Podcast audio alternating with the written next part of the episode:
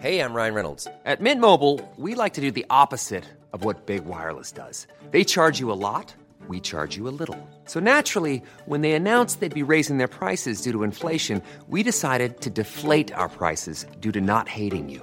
That's right. We're cutting the price of Mint Unlimited from $30 a month to just $15 a month. Give it a try at mintmobile.com slash switch. $45 upfront for three months plus taxes and fees. Promo rate for new customers for limited time. Unlimited more than 40 gigabytes per month. Slows. Full terms at mintmobile.com.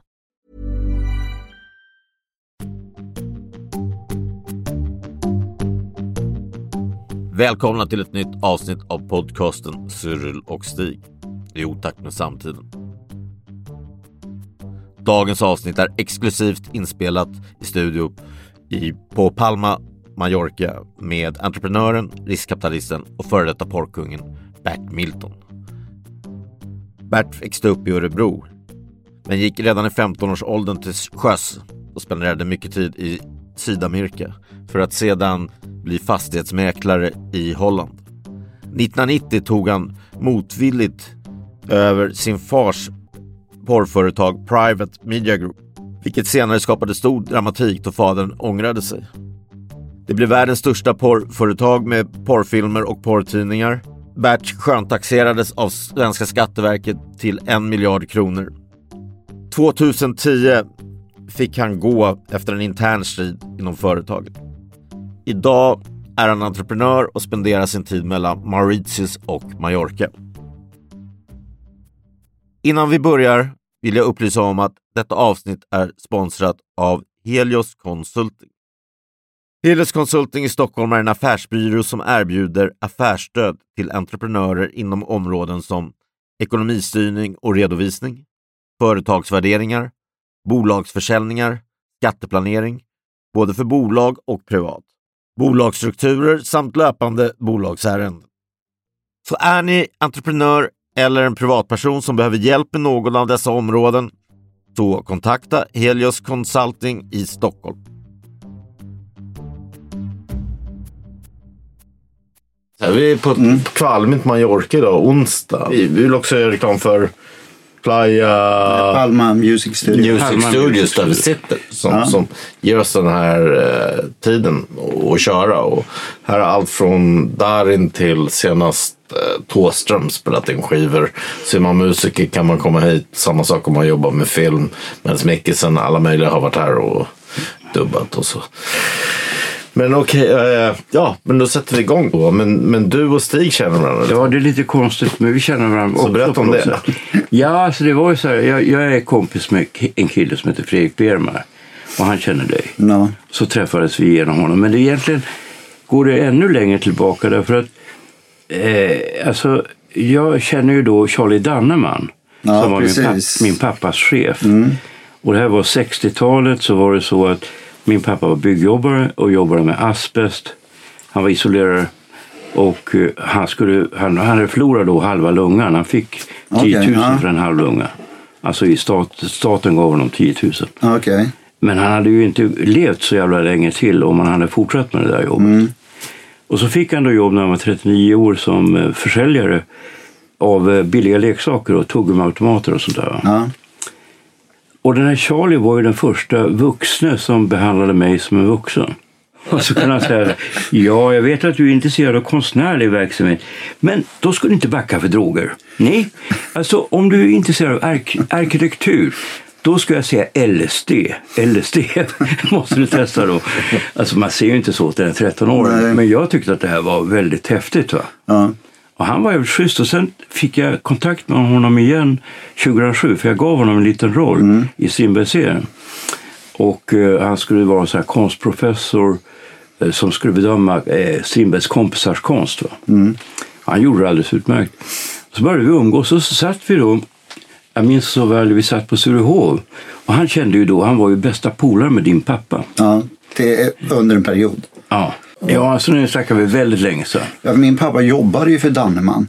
Han jobbade för dem? Ja, just med automater. Och då var det, det var ju flipperspel och jukeboxar och ja, sånt där som Danneman hade. Och då började min pappa sätta tuggummin i hans apparater. Eh, för den han jobbade för. Så att de här konditoriägarna, de vart ju less för de fick inte in några pengar. Och då sa han, men då kan jag ställa in mina automater för de fungerar. Så det var vad han gjorde mot Danneman. Så så kom han igång med sin Jag första men riktiga alltså, business. Alltså Charlie sa ju det, för att det var ju Charlies pappa som var hans kompis. Ja. Eh, Frejus Danneman. Och, eh, och då sa han att, nej, Fre, Frejus Danneman kände din farfar. Ja, så kan det Helmer, vara. Ja. så var det. De lärde känna varandra Och de här är från Umeå om jag förstår då. Din, di- Ja, min farfar är egentligen från Linköping men han flyttade till Norrland väldigt Okej. tidigt och körde sitt tivoli där. Ja, just det. Nej, men alltså det här, är, alltså nu snackar vi det är 70 år sedan, va? Mm. Det är mer än 70 år sedan. Och då så frågar honom, vad, vad, vad, vad startar det hela? Ja, det var här, säger han. Så pekar han på Kung Karl, alltså det här hotellet där. Mm. Och där sa han, där började porren. Okej, okay, vart ligger Kung Karl? Jag vet inte, för dålig på Stockholm. Ett, det är ett hotell som ligger mitt emot Sturehof. Mittemot Snett mitt emot Sturehof. Sturehof. Han måste vara den tiden. Alltså Kungsgatan-sidan, Ja. Kungsgatan och så blir det då höger sida från Sture, Då hade de Stureplan. nog lite kval med hotell liksom på den tiden. Ja, alltså någonstans där så var Min det pappa en skrev bordell. också en Stockholms Ja, okej. från Och han sa, vad fan, jag sa till, till, till Bert att vad fan ska vi gå på bordell för? De såg ju ganska bra ut och de var ju 20-årsåldern. Ja. Så, nej men jag måste ju plåta dem. Det är det som är grejen. Mm. Det, man måste plåta tjejerna, fattar du inte det Charlie? Nej, jag fattar inte riktigt vad det var. Det var, så, det var, det var så porren startade. Ja, okej. Alltså det är en konkret adress. Ja. Nej, För jag kommer ju bara ihåg när han öppnade sin porrbutik på Drottninggatan 11. Då är du fortfarande barn. Då var jag tio år gammal. Ja, Eh, och då fick jag jobba där. Som ja, sköta porrbutiken när jag var och träffade honom på somrarna. Mm. Och det var ju en upplevelse utan dess like. Liksom. På Det den måste ju tiden, komma till jävligt skeva människor också. ja, det, på den tiden var det väldigt skeva människor. Det, Då var ju inte porr, porren var ju något helt nytt. Liksom. Eh, och det var ju liksom äldre män i regnrockar ungefär som kom ner. Mm. Och där stod jag helt själv. Eh, och expedierade då filmer och, och tidningar och bilder och städade och vad, fixade. vad vill ni ha? Liksom? Ja, precis. Och ska jag vara rådgivare då som tioåring? Ska, ja, det, här har vi liksom, det här ser ju bra ut. Liksom. Nej, Nej så det, det var väl en liten underlig start på, på karriären om man säger så. Men min pappa var ju allt kretsade kring porr i hans liv. Liksom, så att, eh, det var ju en kickstart för mig. Alltså, det är väldigt underligt. Men det, det gjorde ju också att när jag kom tillbaka, jag bodde i Örebro och jag hälsade på honom på somrarna liksom, och andra lov och sånt där. Det gjorde när man började komma upp i könsmogen ålder. Liksom, mina kompisar var ju väldigt nyfikna vad som hände. Liksom. Så att eh, så det, det var både positivt och negativt. Jag, jag tror inte jag har tagit någon skada. Nej, jag, kan, jag kan känna igen mig lite i det där. Min pappa han var också helt jävla besatt av sex och brudar. Alltid om det var en snygg tjej i närheten. Oavsett om det var på tunnelbanan så började han stöta. Så, Ja. så att det, för mig var det någon pinsam grej det här nästan. Det var det också utanför, när det vart mera ingående, när han började då själv hänga med de modellerna som han fotade. Då började det pinsamma. Eh, för han tyckte att de skulle klä sig ungefär, alltså det lilla de hade på sig innan de tog av sig. Så tyckte han att de skulle gå på stan.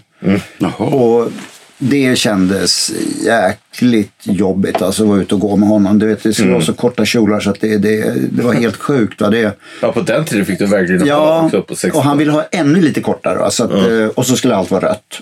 Och, och lack.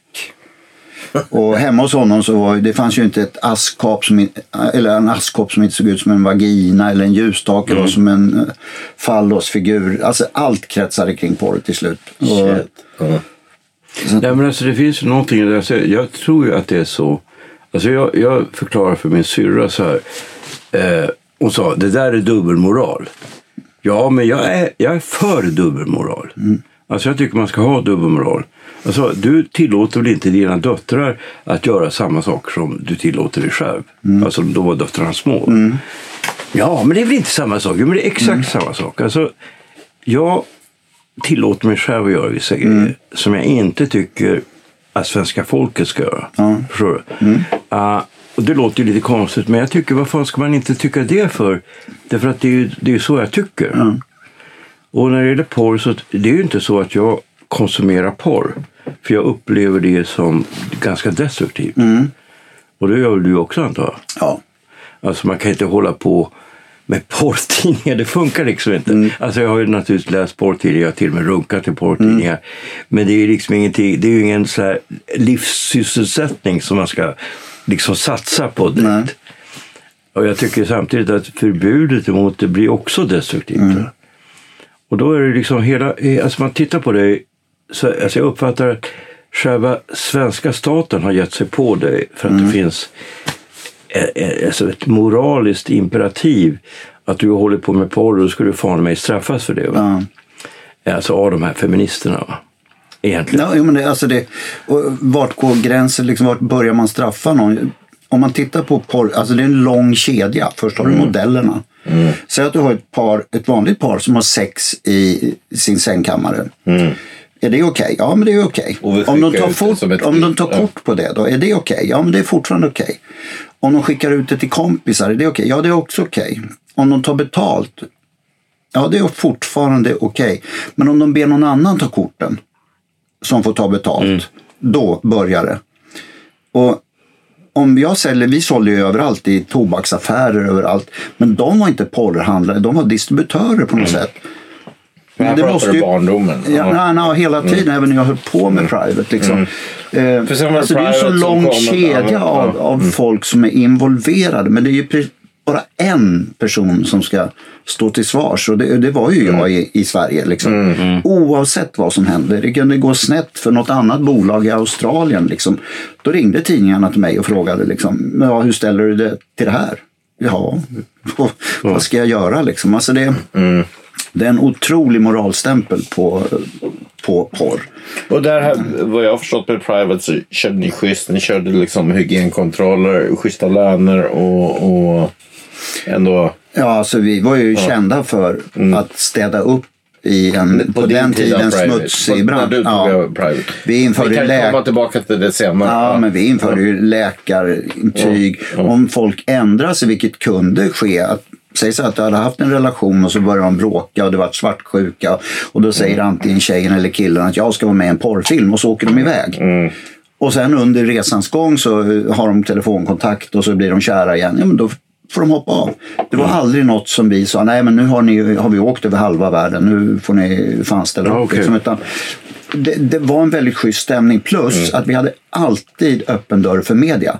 Eh, Så det fick alla som producerade åt Private fick vara beredda på att helt plötsligt kanske det stod, kanske inte Aftonbladet Expressen då, men det kunde vara vilken media som helst. Det var mycket tv-kanaler, BBC, vi hade ja, många som var där och filmade och använde oss som en råmodell för Ja, Då var det så du lärde känna Danne, att, att, att, att det var i, ni var i Cannes Ja, precis. med någon båt här. Vi var i Cannes och det var, det var 93, han släppte ju, de släppte Sökarna. Mm. Ja, jag träffade, jag var med Danne där då. Jaha, jag var okej. inte på den här festen. Nej, okej. Nej, vi hade ju... Vi hade ju väldigt stora fester i Cannes. De var ju kända. Alltså en, en otroligt rolig historia. Danne och jag var där ja, sju, åtta år sedan tror jag. Eh, med ett annat produktionsbolag. Eller kanske ännu längre. Kommer, men nå- någonting sånt där. Och så skulle vi gå in på en klubb. Det var fullt och det var stängt. Liksom, de tog inte in flera. Eh, och då ser de mig. Och då hade inte jag varit där med Private på många år. Och säger, men det är ju Bert Milton från Private. Ni ska in. Och det här är helt sant. Då går han fram, sitter ett helt gäng, den här vakten, i en soffa. Han lyfter upp soffan och välter ut dem och säger den här soffan är för min vän Bert. Och Danne. Och du kan fråga, det, det, är liksom, det var helt chockande. Samma var ju på, vi gick förbi en pizzeria som heter La Chunga. Också stängt. De öppnade och gjorde pizza till oss mitt i natten. Så att Private gjorde ett stort och positivt intryck i, i Cannes.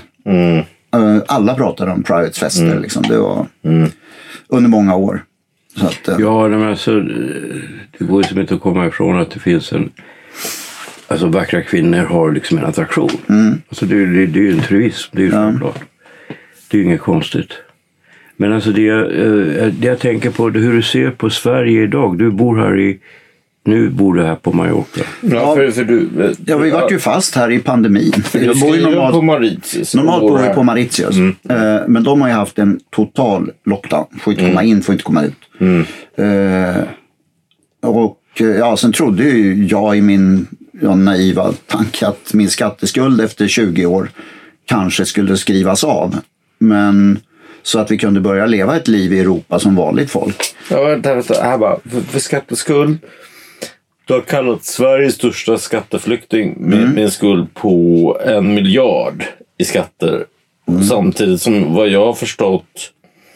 Ja, jag har ju varit med Danne här och gjort research för kommande research. Så, så vet jag, finns, det finns inga belägg för det. Nej, Och det finns en kolatorsk på Skatteverket som, som sålde ut dig och skriva den för att han fick pengar av Hells Angels som i sin tur fick pengar av din pappa. Den här episka historien. Hur din pappa nästan, han har varit på väg att döda dig nästan. Ja, ja. Så vi kan komma in på det senare. Men, men, men nu kör vi det här med skatten. Att, att, att, eh, det, känns, det här känns ju verkligen som en rättshärva på Ja, ja alltså det, det var så en stor sak. Jag var ju inte ens i Sverige under de här åren jag varit sköntaxerad. Eh, och så är jag hos en av våra distributörer i Holland och får ett samtal att eh, Skattemyndigheten är uppe på det svenska kontoret med eh, svarta säckar och bara tömmer allting. Och då kunde de se att jag hade inte ens en kontorsplats på det kontoret. Men de ville ju ändå hävda att jag bodde där. Men då sköntaxerade de alla i personalen som var eh, på kontoret i, i Stockholm. För private, För Privates kontor. Borgkompaniet. då. ja, alla var sköntaxerade. Han som jobbade på lagret fick två miljoner i skatteskuld. Eh, och ja, hela vägen, även då konsulter till Private fick eh, sköntaxering. Sen tipsade de spanska myndigheterna eh, och de gick igenom det spanska bolaget och mig, för jag bodde i Spanien. Och det var liksom inga problem. Jag betalade full skatt i Spanien och det var liksom, ja, absolut eh, grönt kort. De gjorde ingenting. Utan de granskade våra böcker och som det här stämmer ju. Och innan, allting härrör ju till en eh, börsintroduktion av Private där värdena steg till flera miljarder eh, av, av Privates aktier. Då. Och det var upprinnelsen till alltihopa, till min pappas ilska. Eh, och att han fick med sig då Hells Angels, han fick med sig Culpa de Justitia, heter det, något eh, kriminellt ekonomiskt nätverk. Liksom, eh, att eh, gå efter mig. Så att eh, då, då startade helvetet. Liksom. Så att eh, från att bott utomlands sedan 1989 så får jag en sköntaxering, kommer i brevlådan 2001. Alltså 12 år efteråt, jag har flyttat ut. Eh, att jag skyllde en miljard. Men då är den här kokainistjuristen på, på Skatteverket Mm. som, som har han har fått pengar av Hells Angels och Hells Angels, för jag, när vi gjorde vår research Mm. så har ju också Hells Angels erkänt att de har gett honom pengar. Ja. Så att de, och, och skattemyndigheterna sparkar honom också med buller och bång. Men de erkänner inte ditt problem. Det Mm. Nej. är det som är Ja. en riktig rätt. han- han erkänner det ju till och med människor. Det är flera människor också. Som, Ja, ja, oh ja. som den här personen. Oh, han, här, han har ju alltså friat kompisar. Jag vet en kille som tog in, som hade en skuld hos Kronofogden och han importerade en, en Porsche till Sverige. Och den tog ju då Kronofogden. Då för en liten penning så skriver Köhler den Porschen på sig själv och lyckas rädda den här killen. Samma med flera krogar och sånt där som kunde få sköntaxeringen. Då tog han, och, ja, mot rätt ersättning så slängde han sköntaxeringen i, i papperskorgen. Så han var ju mutbar åt alla håll. Men det insåg ju Skatteverket. De, Det var därför de sparkade honom. Mm. Ja. Men, men det är ju konstigt då med Skatteverket att de inte då stryker sköntaxeringen mot dig. och Jag andra. håller på alltså. Så nu är det alltså 24 år kommer det vara. Eh, Jag har aldrig varit utredd för något ekonomisk brottslighet eller någonting. Polisen kastade i papperskorgen på en gång och sa att det är vansinne. Nej, men jag tror att jag, eh, alltså, det här är bara min privata eh, teori om det här. Så tror jag att det handlar om att det finns en aggressivitet eh, från vissa politiker emot dig som person. Eh, bara därför att du håller på med porr. Och det handlar... Alltså jag Höll tror- på. Alltså, jag- Man ska veta, alltså, det här pågick ju, ärendet gick ju i många år. Och jag vart ju friad hela tiden. Ja. Men hela tiden dömd i tidningar. Eh, I kvällspressen. Jag var ju skattesmitare när jag var sköntaxerad. Och, och det stämmer ju inte riktigt. Va?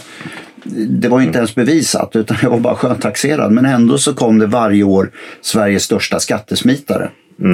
Eh, och du har ju inte smitit ifrån skatten förrän du blir dömd och Nej. kanske inte ens då. Men det tog ju nästan tio år innan sista domen föll. Men under tio år var jag ändå skattesmitare. Och det är klart, det påverkar ju. Porr, skattesmitare, porr, skattesmitare varje år. Varje, ja, när man, jag vet inte, det här lanseras i april eller maj varje år. Liksom. Plus att det du och jag snackade om igår när vi var på krogen och kollade fotboll. Att, eh, som jag sa, du har ju rätt att vara 180 dagar eh, borta Ja. per år. Sveriges rikaste författare bor här på Mallorca för, att, för att du har skattefrihet för författare. Ja. Men de är ändå, alla andra dagar utöver de 180 så är de ju i Sverige. Ja. Och, och vad jag har förstått så, och som du berättade för mig, det är, du hade en villa som var helt tom. Mm, nej, nej, alltså de, de går dit och säger nu, för det första är det ett anonymt tillslag. Så att ingen ska veta om det, men av någon händelse var SVT med och filmar alltihopa i det här hemliga tillslaget. Eh, och så kommer de in i huset på Värmdö som är helt tomt. Finns inte något bestick, finns inte en tallrik, inte ett linne, ingenting. Ändå så fortsätter de hävda sin story och försöker hitta på någonting nytt då, hur de ska kunna få och få mig då till särskild anknytning till Sverige. Mm. Så vet, under den här perioden så då var jag Barcelonas största privata markägare. Jag hade köpt borgmästarens hus på över 2000 kvadratmeter utanför Barcelona. Men ändå så hävdar de att det här huset här, det var liksom mitt boende. Men när jag kunde bevisa att så inte var fallet, ja då bara vände de och vred på allting och fick till det då. Jag tog ett cypriotiskt bolag som ägdes av ett amerikanskt bolag och påförde mig det privat. För att då hävda att det var min... Först de påförde mig det privat och sen gjorde de det till ett svenskt bolag. Och då menar de att jag hade anknytning. Ja, men alltså, Alltså det är så, det är så sjukt. Men- jag vet inte om du har sett den här norska utredningen. Nu är du en professor i eh, EU-skatterätt. Har ju tittat på mitt ärende och gjort en rapport. Och det är alltså totalt regelvidrigt vad de har gjort mot mig. Alltså det, han har aldrig sett något liknande och han är då professor i EU-skatterätt. Så han kommer nu förhoppningsvis då vara med och driva det här ärendet ordentligt. Och jag kommer också ta det till USA för de förstörde ju de amerikanska bolagen. Tog ju bort miljardbelopp. Alltså bara förstördes för de ville förstöra för mig. Och det fanns ju tusentals andra aktieägare, det var inte bara jag. Men eh, Skattemyndigheten tyckte att allt var mitt liksom. Ja. Nej, men alltså, det, finns, jag, jag satt ju och spånade med Danne då. Eh, och då kom vi på en grej som ingen har tänkt på tidigare. Eh, om man frågar den här Köhler då, på, som tidigare var på Skattemyndigheten. Nu jobbar han med, som jurist för ekobrottslingar. Så att ni hör ju vad det är för människa. Men i alla Nej, fall. men jag har hört att att det är väldigt shady business nu. Ja, ja, ja, precis. Han håller på med samma sak privat nu som han gjorde med Skattemyndigheten förut. Men i alla fall, i intervjuer så säger han, nej vi började gå efter Bert Milton för det var massa tidningsskriverier om hans lyxiga levande. Därför gick vi på honom, inte på grund av att min pappa hade tipsat honom. Men då kom vi på att när min pappa och Hells Angels satte igång, det var just när det var de här tidningsskriverierna. När han såg att mitt bolag hade blivit värt flera miljarder. Då För- satte min pappa igång. Och samma grej använde Köhler som ursäkt. Så att, jag, jag bara ska tipsa läsarna. Jag har ju gjort research på det här fallet. Den här Köhler, alltså, Mm. han har snortat kokain för mycket, mycket pengar. Mm. Eh, han eh, sätter sig skuld till Hells Angels som sätter hållhake. Mm. Berts pappa som, vi kan komma in på det i stridet så får vi se hur, hur vi klipper det sen. Mm. Ja. Berts pappa som är en så här episk story som, för den är så episk hur pappan Mm. ja. vill döda till och med sin egen son. Det, det är så här grekiska antiken. Mm. Men, men pappan eh, lejer då Hells Angels för att skada sin egen son dig då. Mm. Ja. För att du har tagit över företaget Mm. Private. Eh, och där i hittar de också den här kolatorsken Köhler på, på Skatteverket. Som, som, som också, det här uppdagades ju på Skatteverket. Ja. in- Men de brydde sig inte om dig, de brydde sig Nej. om andra för de sparkade honom. nej, det Men alltså, alltså, vad säger HR då? de hade ju fått då av något som min pappa tyckte 30 procent av ett bolag som min pappa tyckte han ägde.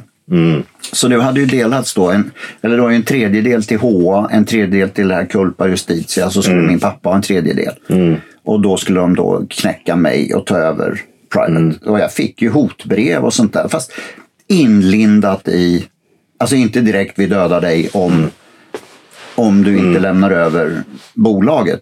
Så fick jag lite telefonsamtal och jag försökte liksom banda, jag bandade samtal, men jag försökte liksom locka ur honom det direkta hotet. Men det var de för slipade för. De ville träffas personligen liksom och, och diskutera det här affärsupplägget som de hade.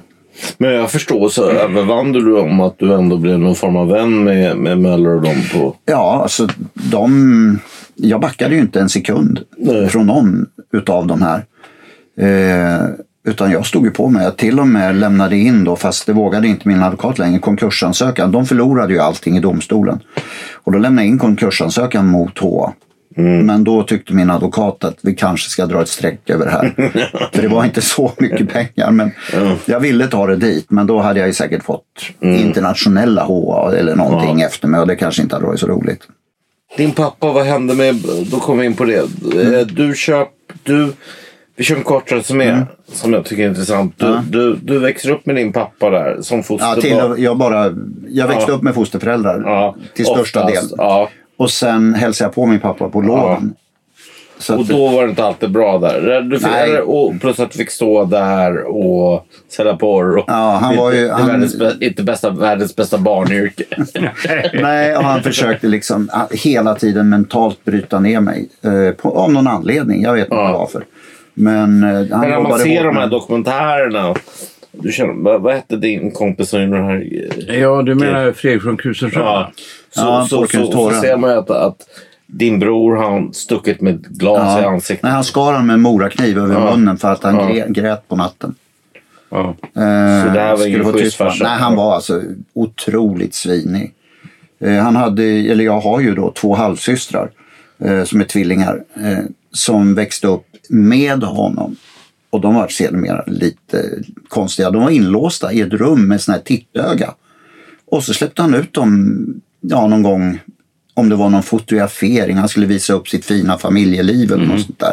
Då klädde de på dem kläderna och fick komma ut och ställa upp på en fotografering. Och han sa ju det, Charlie, han sa ja man ska ju inte tala illa om de döda. Men du förstår, Bert, eh, han var ju, eh, ja vad heter det när man inte har känslor? Ja, jag är sociopat. Mm. Nej, det är något annat bara. Psyk psykopat. Ja. Han var psykopat. Ja, Han, han var hette, han det. hette Bert som din pappa. Ja. eh, Senior då. Ja, ja. Nej, han var alltså det. Han, Vad gjorde han mot systrarna mer? Alltså, ja. Vad sa du? Vad gjorde han mot systrarna mer? Alltså, de fick... Nej, det var, de, de var inlåsta och eh, mamman det, åkte in på sinnessjukhus. Hon var ju före detta porrmodell då, så hon hade varit med i Private. Och eh, hon slutade på eh, sinnessjukhus. Och där var hon i hela livet. Så att eh, när han förlorade vårdnaderna, vården av tvillingarna, då hamnade de hos mormor och morfar. Till ja, deras mormor och morfar då. Men alltså din farfar, vem var det? Helmer? Eh, han har jag bara träffat två gånger. Men alltså när är han född? Han är ju väldigt gammal. Oj, oj, oj. Min pappa, han måste ju vara född runt 1900 eller 1800, slutet av 1800-talet kan jag tänka mig. Ja. Eh, Jag var väldigt besviken när jag träffade honom. Han hade ju på den tiden Sveriges största ambulerande tivoli. Det var så här 33 järnvägsvagnar med tivoliutrustning. Okej.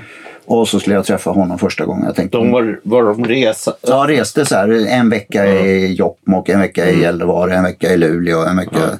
Men var de resande? De var, var de tattare? Resande? Ja, han var Ja, indirekt tattare, men väldigt framgångsrik tattare. för Det var ett stort tivoli. Och jag trodde liksom att nu kommer jag dit och nu är det ju åka radiobil och han kommer att eh, ta hand om mig jättebra den här, min När farfar. var det? 60-talet? va? Ja, jag, jag var, ja, början 60-talet, jag var 7-8 år. Eh, nej, jag fick en näve poletter och spela på enarmade banditen och sen fick jag klara mig själv där. Mm. Så gick jag runt på det där tivolit. Jag kunde inte åka något, ingenting, för jag hade inga fribiljetter och inga pengar. Okej. Så att eh, hela den familjen, eller hela grenen från min pappas sida är väldigt underliga. Tuffa människor men känslolösa. Ja, Men, och mammans sida finns inte? Mammas sida, min mamma kommer ju från Finland som krigsbarn. Mm. Eh, och då var det ju en enorm skam att vara finländare i Sverige på den tiden. Det var ju liksom, bodde i röda baracker och jobbade på fabriker liksom. Eh, och skar varann med kniv. Det var ju så svenskar såg på Finland. Så att hon skämdes väldigt mycket av sitt ursprung. Så jag fick aldrig träffa hennes syskon eller min mormor eller morfar. Så jag har ingen aning om dem. Och, eh, när hon skulle prata med dem i telefon, sina släktingar i Finland, så då fick jag och min syster då gå in i ett annat rum. Vi fick inte lyssna när de pratade finska. Kom det ett brev som var ja, från Finland, då gömde hon det. För hon till och med skämdes liksom för oss, och för mig och min syster, om sin finländska bakgrund. Liksom. Så att, eh, Ja, jag fattar aldrig det där. så jag fick aldrig någon, hon, hon var ingen elak person men hade absolut inga känslor. Jag kommer inte ihåg när hon kramade mig godnatt eller någonting sånt där. Jag vet en, två saker som vi har gjort tillsammans. Det var att vi åkte och campade på västkusten en gång. Och sen skulle vi åka upp och åka skidor men då krockade vi på vägen så då vart det ingen skidåkning. Det är de enda två minnen jag har. Att vi har gjort någonting ihop som mamma och, och son. Shit, det är hårt Men, det, alltså. men hon var inte el. Alltså det, Nej, var bara, det, inte, det fanns man, bara inga man kan inte känslor. använda det. Det var ju samma sak med min mamma var bortadopterad. Mm. Och hennes föräldrar, de var inte alls elaka men de visade inga känslor. Mm. Så mamma, jag tror att hennes första kram var pappa som gav henne. Mm. För det var så hårt på den Ja. tiden. Man, man, man grät inte, Mm. man visade inte känslor. Därför att det var liksom under ens värdighet något sätt. Ja. Om man var fattig, alltså hon var ju då, hennes pappa var så fattig han kunde inte ta hand om henne. Mm. Och hon blev bortlämnad då. Och eh, innan hon blev bortlämnad så blev hon misshandlad hela tiden. Mm. va? Eh, och det var ju fruktansvärt. Alltså, jag tror att dagens ungdomar de fattar liksom inte hur det var på den tiden. Va? Nej, jag, jag, fick, jag har aldrig fått en kram av min mamma förrän vi växt, jag var vuxen. Jag fick sociala en- sammanhang.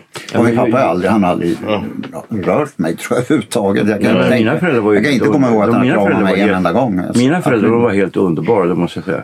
Men alltså, jag tror att, och när det gäller Finland va, så växte jag ju upp i ett område, ett hyreshus It's that time of the year. Your vacation is coming up. You can already hear the beach waves, feel the warm breeze, relax, and think about work. You really, really want it all to work out while you're away. Monday.com gives you and the team that peace of mind. When all work is on one platform and everyone's in sync, things just flow wherever you are. Tap the banner to go to Monday.com. Hiring for your small business? If you're not looking for professionals on LinkedIn, you're looking in the wrong place. That's like looking for your car keys in a fish tank. LinkedIn helps you hire professionals you can't find anywhere else, even those who aren't actively searching for a new job but might be open to the perfect role. In a given month, over 70% of LinkedIn users don't even visit other leading job sites. So start looking in the right place. With LinkedIn, you can hire professionals like a professional. Post your free job on linkedin.com/people slash people today. Område i, i Umeå. Och där det var just finska människor. Va? Och de blev polare med mig. Och jag fattade aldrig, det är först nu, först sista tio åren, som jag fattade att de var fina. Jag tror de var finlandssvenskar. Alltså bröderna Wester trodde jag hette Wester, men de hette Westerina. Och eh, killen Lasse, han, han var väldigt bra på att slåss. Va? Eh, men alltså det var därför att han eh, var tvungen att gå om ett år. För han kunde inte svenska. Alltså han lärde sig svenska. Han bröt inte, han pratade inte svenska som finnar gör. Va? Utan han pratar riktig svenska. Ja. Men alltså jag, upp, och jag upplever då, alltså genom min historia så upplever jag en väldigt stark närhet just till finnar. Va?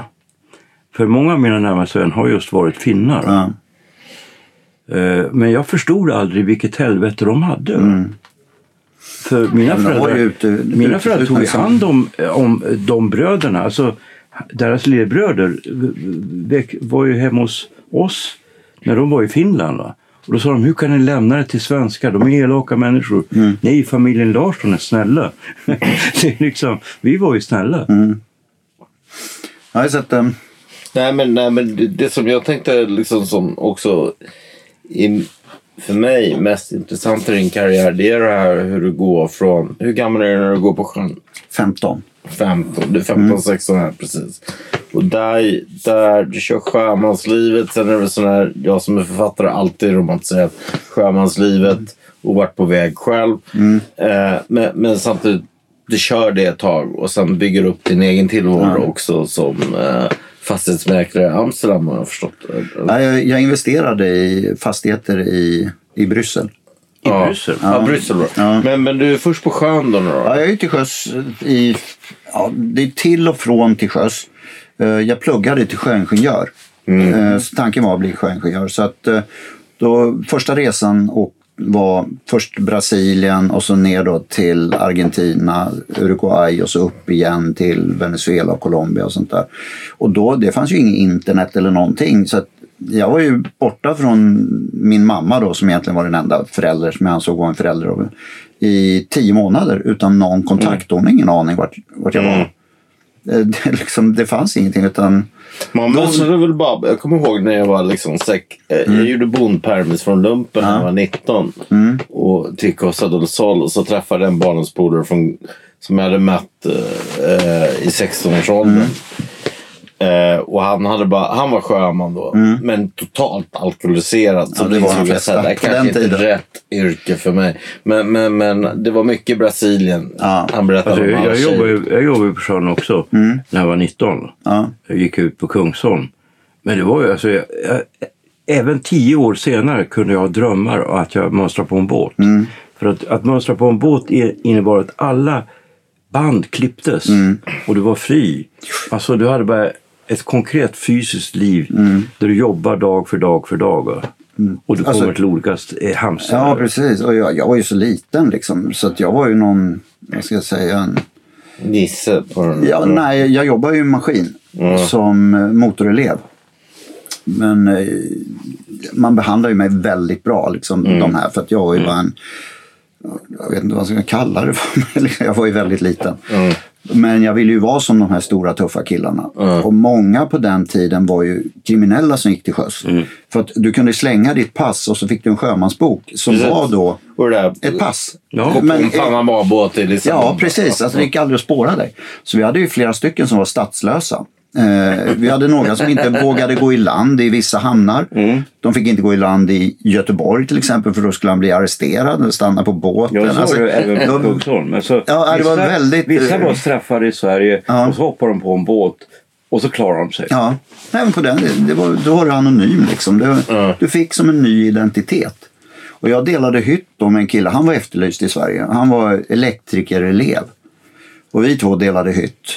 Eh, så att, ja, det var ju en brokig skara men det var otroligt. Alltså, det var en sammanhållning som du aldrig ser i verkliga livet igen. Nej. Alltså, vi var väl 32 man eller något sånt där. Den hette MS California den här båten. Och det är inte så att du har med en extra kille om någon blir sjuk. Nej. Utan alla måste, och det finns inte någon som bara går och gör ingenting. Utan alla har en uppgift och ingen får vara sjuk. Så att eh, det är en alltså, otrolig blir, blir sammanhållning. du sjuk så får du specialpiller av läkaren. Mm. Jag blev sjuk eh, när vi var i Hamburg. Och då fick jag någon special, alltså förmodligen djurpenicillin. Mm. Jag svalde en tablett. Alltså jag hade typ 39 grader feber. Mm. Och så blev jag helt snurrig när, eh, efter 20 minuter efter Mm. svalt tabletten. Och sen var jag frisk. Ja. Men först var jag liksom lite snurrig. Va? Mm. Och det var ju gift jag fick. ja, nej, det var... Ja, Men var så gick du från den, den eh, sjömanslivet då. Hur hamnade du i Bryssel då? Nej, jag hamnade aldrig i Bryssel. Utan vad jag gjorde var att jag insåg som du sa att fan, alla är ju alkoholister här. Alltså, jag kan inte fortsätta det här livet. Jag började på sjömansskolan då i, eller sjöbefälsskolan det, i Stockholm. Eh, så jag gick eh, första året tittade liksom på alla mina runt omkring. Tänkte fan, jag kan inte bli så här. Så efter ett halvår så eh, ytterligare då, så jag gick en och en halv termin. Eh, Då hoppade jag av. Men i och med att jag hoppade av då så var du tvungen att mönstra i lumpen. Mm. Som sjöman behöver du inte göra lumpen. Mm. Om du är sjöman till du är 27 så... Jaha, var det så? Ja, då behöver inte då skulle lumpen. du köra. Jag låg i kustrafteriet men, Ja. men det borde jag gjort då kanske. Den. Ja, Det var precis. hela sjön. Så. Nej, så då, då mönstrade jag. Och givetvis ville jag till sjöss. Min dröm var ju då att komma på Älvsnabben. Och jag tänkte liksom, vem har varit fyra år till sjöss när du är 20 år och gått på sjöbefälsskolan och allt det där. Jag har ju meriter om någon och jag hade bra betyg från Jonssonlinjen. Så jag mönstrade, kommer på pansar i Enköping. Så vad, vad, vad var den här mönstringen till nytta liksom? Men ja, då, då, då var jag 13 månader i Enköping eh, på pansarregementer. Och så, så efter, eller där träffade jag en kille som var jävligt duktig på affärer. Och han höll på och beställde från Hongkong klockor. Eh, Såna här, kommer ni ihåg de här röda man tryckte, eh, eller man, en ly- lysdiod. Mm. Så du tryckte på en knapp så lös urtavlan upp. Ja, vad säger lite data. Ja, man tyckte det var så jäkla ja. häftigt. Ja. Så att, eh, han började importera sådana. Och jag hakade på lite med honom där. Sen, ja, sen skildes vi åt. Han eh, flyttade till Hongkong och började en klockfabrik. Började ge egna klockor under ett varumärke som heter Origo. Och då så, så här, men hur många måste man göra för en egen klockfabrik? Alltså det verkar ju sjukt dyrt. Nej, nej, nej, du kan göra en klocka. Man, man manuellt gör något som heter tampongtryck. Du trycker bara en urtavla så har du en unik klocka och så köper du liksom allting annat där. Inkromet kostar 20 kronor liksom. Så då tänkte jag, det där måste ju måste man kunna exploatera lite bättre än att göra Origo. Liksom. Så att eh, jag tryckte Shells logotyp i en sån här klocka. Och så gick jag upp till Shell och huvudkontoret och frågade om de var intresserade av en klocka med reklamtryck. För det existerar inte i hela världen. Eh, och de tyckte det var superspännande. Och då hade jag offererat så här 500 klockor. Och Kanske 50 kronor styck. Alltså det här är väldigt ruffa siffror. Eh, ja, det, de tände på idén. Men då har ju de en reklambyrå som man inte fick gå förbi. Och då frågade jag, men kan jag gå på, direkt på bensinstationerna? För de hade en egen budget. Eh, många var ju franchise och alla ägdes ju inte av huvudkontoret själv. Ja, det kunde jag göra. Så då tog jag med en vanlig kamera, tog ett vanligt så här pappersfoto och skickade till, jag tror det var 750 bensinstationer ungefär som själv i Sverige på den tiden. Och istället för 50 kronor, så här, om ni köper en så kostar den typ 500. Och så neråt. Och totalt så kom det på det här sjuka lilla utskicket en beställning på över 2 500 klockor. Så från en dag till en annan så var jag mångmiljonär. Jag tror jag själv haft en sån här klocka. Där. Och jag fattade ingenting. Och då körde jag liksom, som det hette då, OK, alla bensinkedjor, mm. alla BP köpte. Alla köpte. Jag gick till Konsum, som det hette då, nu heter det Coop, de köpte. Eh, det var- Konsum var väl lite knepiga? Var? Nej, alla tyckte det var så jäkla coolt. Och sen skulle jag då offerera SAS. Men då var det någon som hoppade runt och gjorde en klocka där ett flygplan tickade runt på en plastskärm eh, i urtavlan. Så stal min idé lite grann, men det, det var liksom inte hela världen. Det var väl upp till dem. Då. Men, nej, sen vart jag, fick jag då förfrågan från folk om inte jag ville förvalta de här pengarna. För att alltså, det var mycket pengar. Eh, Så då började jag investera i olika börsbolag, börsintroduktioner hit och dit. Bland annat så gjorde jag ett, eh, ett spelbolag eh, som skulle börsintroduceras, ett norrländskt spelbolag. Och då garanterade jag den emissionen med ett antal miljoner kronor. Så att om inte ja, Men allmänheten spel, var köpte... inte det förbjudet? Nej, nej, alltså, nej, nej, alltså det var typ eh, tv-spel. En av mina äldsta polare Ja, har typ blivit Game Boy- miljardär på Game Fredrik. Österberg har blivit miljardär. Ja, sen har du- miljarder på, på, Men de här var bland de första i Sverige då. Och jag garanterade den och eh, det gick ju väldigt bra för dem. Och sen eh, och jag tjänade mycket pengar på det. Och sen då, några år senare, har jag börjat med porr. Eller ganska många år senare. Det här bolaget går i konkurs. Då kom jag i tidningen som en av de som profiterade på det här lilla spelbolaget. Så de, det var synd om dem och jag var en buffel som hade tjänat pengar på den här börsgrejen tio år tidigare. Vad fick Men, jag men de hade att ju inte var liksom, de hade ju inte ens Vad- kommit in på börsen. Och, Vad fick, vad fick jag för mig att det nej, var men sen, fastigheter? sen kommer fastigheterna. Sen kommer fastigheterna. Ja, okej, okej, ja. Eh, sen i alla de här introduktionerna så, då, så ska det börjas i Bryssel. Alla, inte alla, men många svenska fastighetskillar investerar i Bryssel i stora Mm. fastighetsbolag. Och då är det bland annat ett bolag som heter Fundi. som har som affärsplan köper upp allt de kommer över. Och då är det Viktor Fors som en gång i tiden var en stor finansman i Sverige. Eh, han skulle ta 11,75 procent av det här bolaget. Alltså de äger ju enormt mycket fastigheter i, i, i Bryssel. Men han hade inte kapital till alltihopa så då fick jag under honom köpa 3,75 procent. Som inte låter mycket men det var enorma pengar. Och om det vart någon förändring i ägarstrukturen eller något då garanterade han att köpa ut mig till en värdering. Och så skulle det här börsintroduceras. Eh, och, och slå ihop med ett annat bolag. Och då sa nej men nu har det gått så mycket så att nu får ni, du får köpa ut mig. Det här kan inte fortsätta liksom. Några månader senare kom fastighetskraschen. Och det bara small alltihopa. De gick i konkurs hela, hela grejen. Och Viktor Fors förlorade enormt mycket pengar. Men på två år tror jag så betalade han ut allting. Han kunde ju bara sagt att nej, det här gick åt pipan, sorry. Eh, Men han var en hedersman. Alltså jag måste beundra honom. Sen tror jag att det gått dåligt för honom senare. Men fantastiskt alltså. Och då flyttade jag, det är 1989, då flyttade jag till eh, Ibiza och köpte ett hotell. Så att, eh, och så bodde jag på Ibiza och det var då jag började träffa min pappa igen. Så att 89... Okej, vadå? Alltså 89? Och då, då bygger ni upp någon vänskap men du köper Nej, det var ingen vänskap utan jag och min kompanjon på Ibiza. Eh, vi gillade att spela golf. Mm. Men på Ibiza var förutsättningarna väldigt dåliga. Det fanns bara en golfbana som var knackig. Liksom. Så då började vi åka ner till Costa del Sol och spela golf. Och då tog jag kontakt med min pappa igen. Och så hamnade jag inne i. Och han, han skulle När- ta livet av sig. Och, Ja, när dog din pappa? mm, 2005. Okej. Eh, och det var, han dog en vecka efter han hade förlorat alla rättegångar mot mig. HA och allihopa. Då, då hade För, han, för här är här är då två, 89, 90.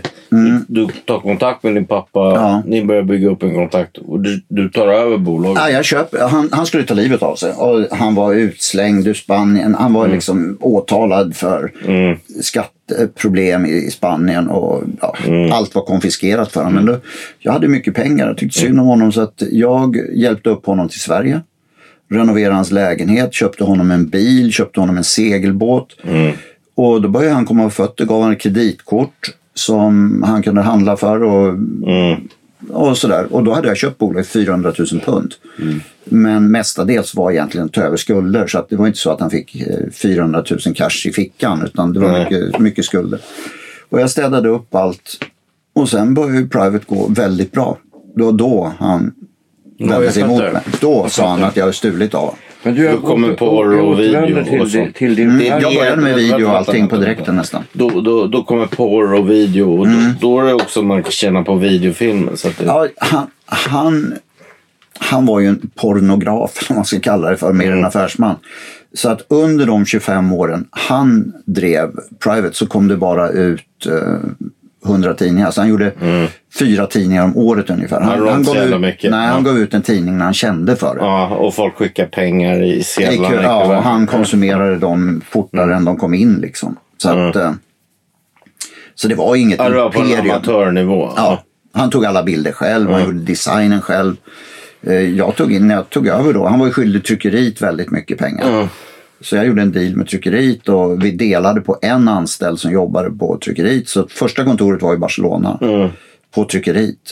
Eh, och vi tog in en reklambyrå, jag kunde ingenting om det där. Så att, eh, hyrde in en reklambyrå och sen säljbolag och sen bara exploderade det. Så att, eh, det var inte min förtjänst så, utan det var mer att jag införde vanligt eh, bondförnuft i en bransch som var väldigt konstig. Ja, och där fanns ett varumärke. Ja. Om man, ser- om man Ja. ser det. Så att, eh, men alltså jag, jag kommer tillbaka till din farfar. Eh, när dog han, din farfar? ingen aning. Alltså jag tyvärr. När, jag, när är han född? 1880 eller 1890? Nej, jag har ingen aning. Alltså jag har aldrig släktforskat. Jag har aldrig, eftersom jag knappt haft Nej, någon men alltså, relation jag- jag- till jag mina föräldrar. inte... Alltså när jag hörde talas om att han hade en cirkus som besökte Skellefteå 1908. Ja. Då tänkte jag, men det är kanske är därför, för jag vet att min farmor hon hade arabiska namn. Och det kan man inte få från Bibeln. Nej. Och då så var det någon som sa, när jag var, när jag var barn, va? det här är alltså 50 eller 60-tal. sent 50-tal, tidigt 60-tal. var det någon som sa att min farmor hade namn efter elefanter. Och då måste Okej. det vara en, alltså någon som har cirkus. Nej, men han hade tivoli, han hade inte djur. Han hade inte djur. Nej, och det var senare. Alltså det, det var senare. Det, det finns en hel del tidningsartiklar. Okej. Jag, jag skulle nog Ja, säga då att han... inte, för jag tänkte, han hade det vore häftigt om din farfar har sett till att min farmor hade vissa namn. Ja. Nej, nej, för han hade inte djur utan det var bara rent tivoli. Det var rent tivoli. Mm. Så att det var ju karuseller och lotteristånd och det här världens starkaste man. Ja, Och, Barnens dag som Ja. kom till Umeå. Jag vet hur det är. så att, eh, men men det, det var otroligt uppskattat i Norge. Det fanns ju ingenting att göra. Nej, det fanns ju ingen tv, det fanns ju ingenting. Så jag vet, så var det ju liksom alltså, när, jag, när jag växte upp så var Mm. ju Barnens dag, det hette Barnens dag. Va? Så var ju det ett stort evenemang. Ja. Helt enkelt. men du, du måste säkert varit på Miltons tivoli fast du inte tänkte på att det var Milton på den Men, tiden. men det är, säkert så att jag var där. Alla barn Ja. i Norrland var, som är vår generation Ja. var på Miltons tivoli. Liksom. Ja, då var det det jag var på alltså när det var Barnens dag. Det hette Barnens Mm. Ja, dag. ja, precis. Och till Barnens dag så kom det ett tivoli. Ja. Och, och då var ju liksom, i det här fallet var det Miltons tivoli. Ja. Men sen... eh, Ja, Jag men kom, alltså, när du snackar om, om, om Hongkong, därför att du vet, jag var ju med min pappa för han kunde ingen engelska. Mm. Och, eh, så jag var ju hans tolk när jag var själv i tonåren. Eh, och det var ju just den businessen i Hongkong därför att eh, farsan var ju liksom, han var ju, han var ju smart. Va? Mm. Han hoppade över en massa led och gick direkt till producenterna. Mm. Och jag insåg då att man kunde säkert göra en del pengar om man var intelligent på det sättet. Mm. Att man liksom hoppar över produktionsled helt Mm. enkelt. Alltså det, det, på den tiden det var ju, alltså det kostade ingenting att göra saker. Det gör det ju fortfarande inte. Men det var ju väldigt få människor som gjorde det. Mm. Tog sig besväret och åkte ända bort till Hongkong. Liksom, för att Då existerar inte Kina egentligen som ett produktionsland som det gör idag. Utan man åkte till Hongkong Sen på andra sidan gränsen in i mainland Kina, där låg fabrikerna som regel. Men det var också mycket fabriker i Hongkong. Så att eh, jag var ju där 10-20 gånger om det kanske räcker, kanske ännu Mm. mera. Nej, men jag gillade Hongkong. Det var ett väldigt märkligt ställe. Alltså. Mm. Alltså, Alltid det, längtat efter Hongkong. Kommer åka dit. Man åker de här gröna färgerna och det... Ja, Macao också skulle jag vilja besöka. ja det har jag aldrig varit faktiskt. nej, det, jag, jag det, kom aldrig över därför att det var, det var fullt på färgerna. jag ja, jag, Hongkong var ju däremot ganska ofta men, Mm. men aldrig Macao. Mm. Vilket hade varit skoj. Nej, men Men vi måste, vi måste jag, jag pratade med studiekillarna här. Vi har bara en kvart kvar. Vi måste runda av det här. Mm. Jag tycker vi fortsätter med då skattegrejen. Hur, hur Mm. så, som jag vet ligger dig närmast? Ja. Ja, det är ju det. Men i och med att vi nu har fått med den här professorn. Jag menar, vem Du kan... berättade om eh, professor i Norge. Ja, Ja. som är, för det är ju EU-rätt. Då kan det lika gärna vara norrman, höll jag på att säga. Men, Ja, eh, ja. eh, så att han skrev ju den här rapporten och han säger att det är ett rättsövergrepp han aldrig sett inom skattejuridik. Liksom. Det, det är helt bisarrt hur de har vänt och vridit. Då har vi frångått, det jag gick på var ju jäv med handköler. Eh, och när jag lämnade in en resningsansökan, först så sa ju de att Köhler jobbade inte ens där under den här skatte... medan de drev det här skattecaset. Fast han själv har sagt att han har drivit skattecaset. Men, eh, för det här lämnades in i februari 2001 eller något sånt där. Eh, och eh, Köhler slutade där i december, november år 2000 eller någonting. Ja, eller Men då visar- sparken för att de Ja, han fick han sparken. Men det visade sig att ärendet startade nio månader tidigare och då jobbade Köhler där under, Mm. nio, under nio månader. Medan så jobbade Köhler medan ärendet drevs. Mm. Eh, sen kom han in tre dagar när det skulle lämnas in. Och vad gjorde han där i tre dagar när han fått sparken? Det var ju Mm. för att granska att de hade följt hans eh, direktiv. Och när jag kan bevisa det med en svensk advokat via diarienummer och allting. Mm. För skattemyndigheten sa bara, nej han jobbar inte här så det kan inte finnas något jäv. Nej, men det finns ju också folk som säger att de har gett honom pengar. För Ja, det. ja, ja. ja. Och, och då, då tar jag fram som säger, titta här, skattemyndigheten ljuger. Jag måste kunna få resning. Och då får jag inte resning för de säger inget nytt har framkommit. Nej, så att det är ingen nyhet att skattemyndigheten ljuger. För det är ungefär vad de säger. Mm. Så det var ingen, det var ingen news. Men, men betyder- nu, nu går vi på... Nu struntar vi i jävsituationen. Nu går vi på den juridiska. Så oavsett om det är jäv och det är Köhler som har drivit det, hat från min pappa och Hells Angels och allting. Så är det juridiskt helt fel. Man kan inte sköntaxera någon på det här Nej. sättet som inte har varit i Sverige under hela tiden. Det är ungefär som Zuckerberg, om vi säger då Facebook, har ju sina största servrar i Sverige. Ska vi skatta honom då i Sverige? Vi, jag hade inte ens någon större business i Sverige. Liksom. Vi hade ett svenskt pass, men och- eh, det är Nej, det liksom. Det finns också som någonstans att det inte tar slut. För att jag trodde en skatteskuld gick över efter fem år. Men det är uppenbarligen inte i ditt fall. Nej, då, då, vad de vill då det är att jag ska flytta hem. Eh, om jag flyttar till Sverige, vilket är en omöjlighet för mig, då måste jag leva på existensminimum. Eh, och hur ska jag då kunna på existensminimum då betala tillbaka en skuld? Nu är det ju nedskriven, nu är det bara en halv miljard, så nu sover jag ju bättre. Liksom. Det är bara 500 miljoner. Eh, jag, kan inte ens, jag kan inte ens skaffa ett mobilabonnemang. Jag kan inte skaffa en lägenhet. Om jag, skaffa, om jag skulle skaffa en lägenhet, en bostadsrätt säger vi, då konfiskeras den av Kronofogden på direkten. Om jag då skulle skaffa en hyreslägenhet så får jag inte skriva avtal för jag, jag är inte kreditvärdig. Vilket gör att jag kan inte hyra en, en lägenhet ens. För att jag är inte kreditvärdig så ingen kommer att hyra ut en, en lägenhet till en kille som är skyldig en halv miljard. Eh, skulle jag då vilja kanske skaffa en bil så jag kan ta mig runt och försöka åstadkomma någon typ av inkomst så kan jag inte göra det heller.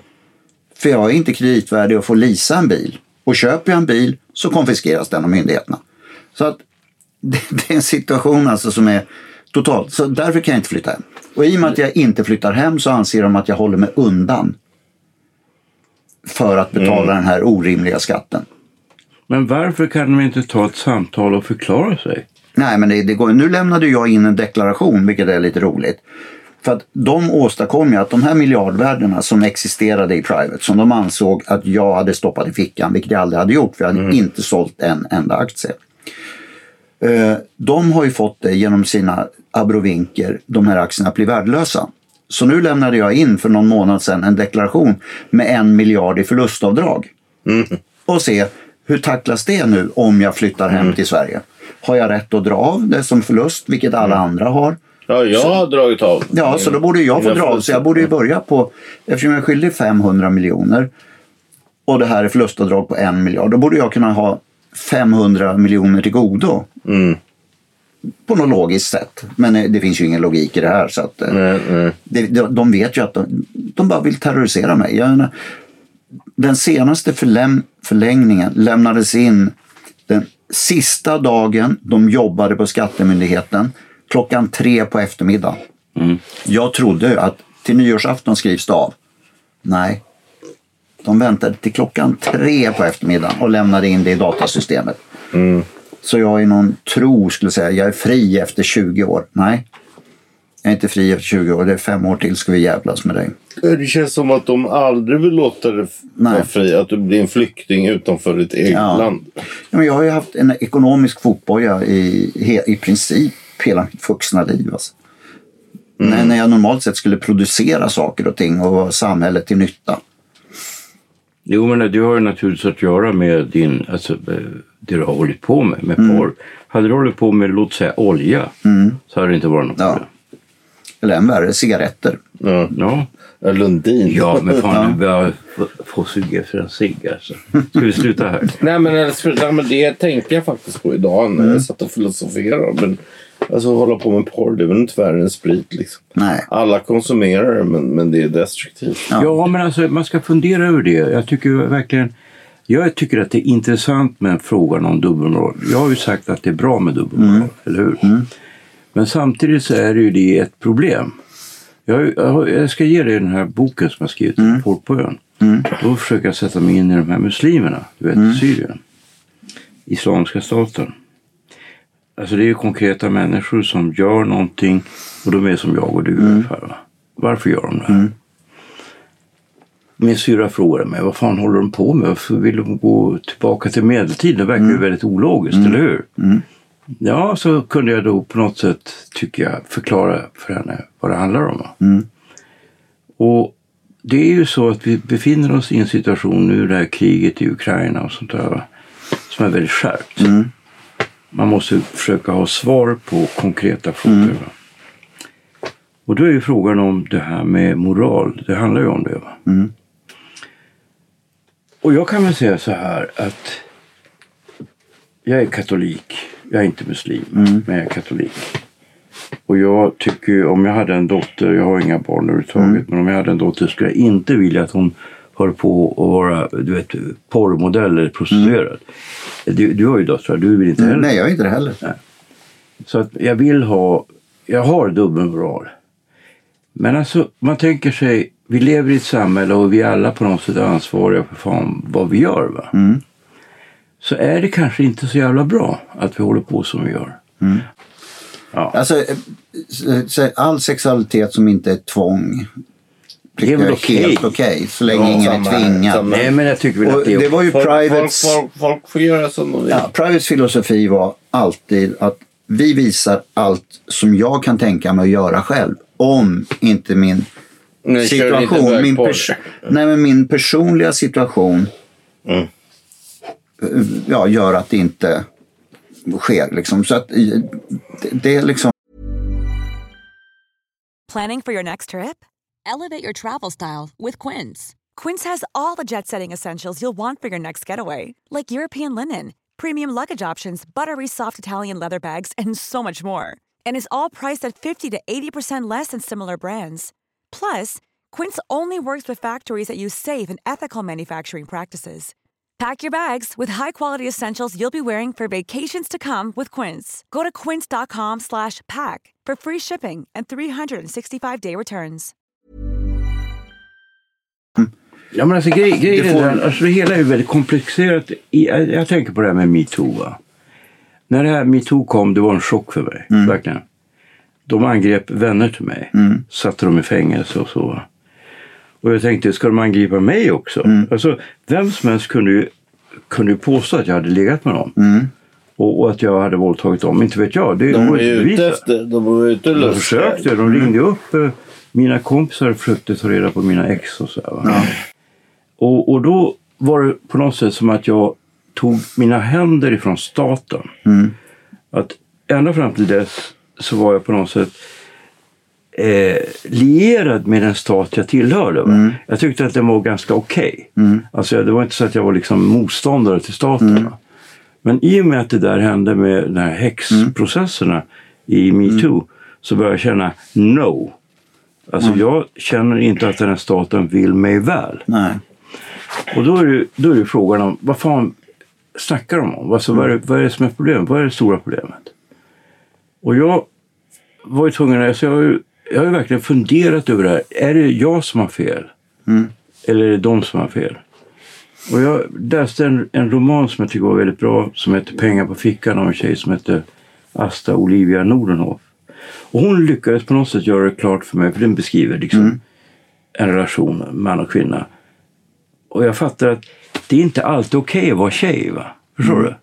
Alltså jag har alltid upplevt, vad fan då, nu, du är ju tjej liksom. Mm. får du stå ut med att jag, att jag knullar dig? Liksom. Vadå? Det, är liksom, det är en del av businessen. Men jag, jag, jag, när jag läste den så kunde jag se, nej det kanske finns en viss form av, av förtryck i det hela också. Förstår du? Det låter lite luddigt där. Men jag tycker att man ska försöka förstå andra människor som man själv inte gillar. För annars kommer man ju ingenstans. nej. Och, och jag försökte då förstå det, men alltså det jag tänker nu när vi befinner oss i den här ohyggliga situationen med Ukraina. Och Putin som säger jag vill försvara er emot eh, dekadansen och alltihop det här, va? För jag tycker också att samhället som, det, som jag lever i är dekadent. Jag tycker verkligen det. Alltså det här är ju det som händer alla stor, stora civilisationer. Jag menar romarriket Ja. föll när dekadensen kom in. Ja, visst. Eh, och det är alltid så. Vi är ju på väg mot samma sak. Och Liksom. de reser sig aldrig igen. Nej, och vi är på väg, hela västvärlden tyvärr är på väg mot samma. Men vad ska man göra? Samtidigt, göra då? samtidigt är det ju så att, typ, som att även Putin som, dröm, Putin som drömmer om ett eh, storrike. Hans imperium faller också nu bara. För Ja. Han lyckades ju bara bli utfryst. Inte utökad. Så, och ingen imperium. Men han är utfryst av vem? Det är ungefär som vi är moralens väktare, vi i väst. Nej, det är nya spelregler. Han Eller har? Indien och Vem Kina. han utfryst och han Det är han- 16 procent av jordens befolkning Nej, som har fryst ut honom. Ja, nej, Så- men han så- har Indien och Kina och så. Men det är inte Ja. direkt... Ja, alla, Nej, men det är ju- brick, alla brickländerna, Brasilien, Ja. Mm. Ryssland, Indien, Kina, Sydafrika. Det är ganska många procent av jordens befolkning som innehåller dem. Va? Det är 84 procent som är neutrala eller bryr sig inte. Eller, liksom, eller Ja. har tagit ställning för, eh, för honom. inte bryr sig. Nej. Ja. Så att eh, det, vi är alltid jordens samvete på något sätt. Vad är det som säger att vi gör allting rätt? Liksom? Jag, jag tror inte Det är det jag menar, man måste hela tiden försöka se på sig själv med någon sorts kritisk spegel. Va? Mm. Ja. För annars så blir man bara lurad. Ja. Okej, vi slutar här. Ja, det är en bra slut. Ja.